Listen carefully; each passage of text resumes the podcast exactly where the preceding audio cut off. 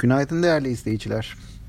Amerikan seçimleri devam ediyor malum. Bugün bunu herhalde piyasalar fiyatlamaya çalışacak ve e, endişe edilen bir husus vardı. Bu seçim sürecinin uzun sürmesi, belirsizliğe yol açması, bir süre bu belirsizliğin çalkantı yaratması. Şu anki görüntü bu ihtimalin kuvvetli olduğunu gösteriyor. Dolayısıyla hani e, dakika dakika, saat saat hatta kimin önde olduğunu, kimin e, başkanlık şansının daha yüksek olduğuna dair haberler izliyoruz. Bunun tabii ki bizim piyasalara da gün içerisinde etkisi olabilir. Bunu beklemekte fayda var. Şu dakika itibarıyla Amerikan vadeli endeksleri genelde artıda özellikle teknoloji hisselerinde kuvvetli bir e, alım var. Bunun haricinde e, Çin tarafı, Asya tarafı yine artıda. Burada da Asya piyasalarında da alımların hakim olduğunu görüyoruz. Bunun bize yansımalarının olumlu olması beklenebilir. Yani bizim piyasanın da yurt dışındaki bu iyimser havayı satın alması beklenebilir açılış itibarıyla. Bununla birlikte dün e, enteresan bir seans izledik. Hatırlayacak olursak e, açılışta genelde borsada düşüş eğilimi hakimdi. Buna eşlik eden bir de TL'nin değer e, kaybetmesi süreci var vardı.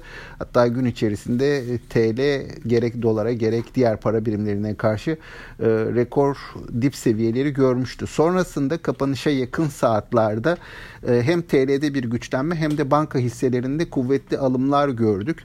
Bunu hani TL'deki bu e, uzun süredir 7.70 civarından devam eden değer kaybı sürecinin bir miktar durulacağı ve e, bu seviyelerde artık Amerikan seçimlerinin de sona ermesiyle birlikte e, bir miktar TL TL tarafında dengelenme sürecinin başlayacağı, başlayabileceği şekilde bu yönde adımlar atılabileceği şekilde piyasalar yorumlamayı tercih etti diye e, düşündük.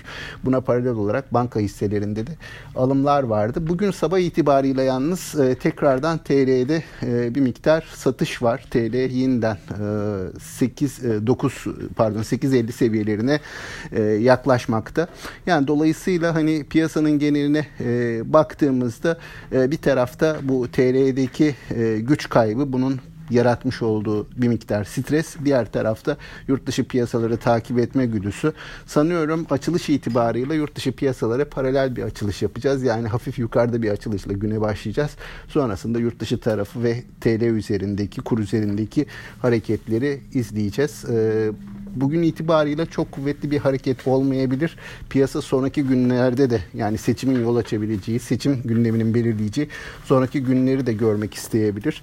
Hani o açıdan e, nispeten e, dar bir aralıkta hareket edebilir piyasa diye düşünüyorum.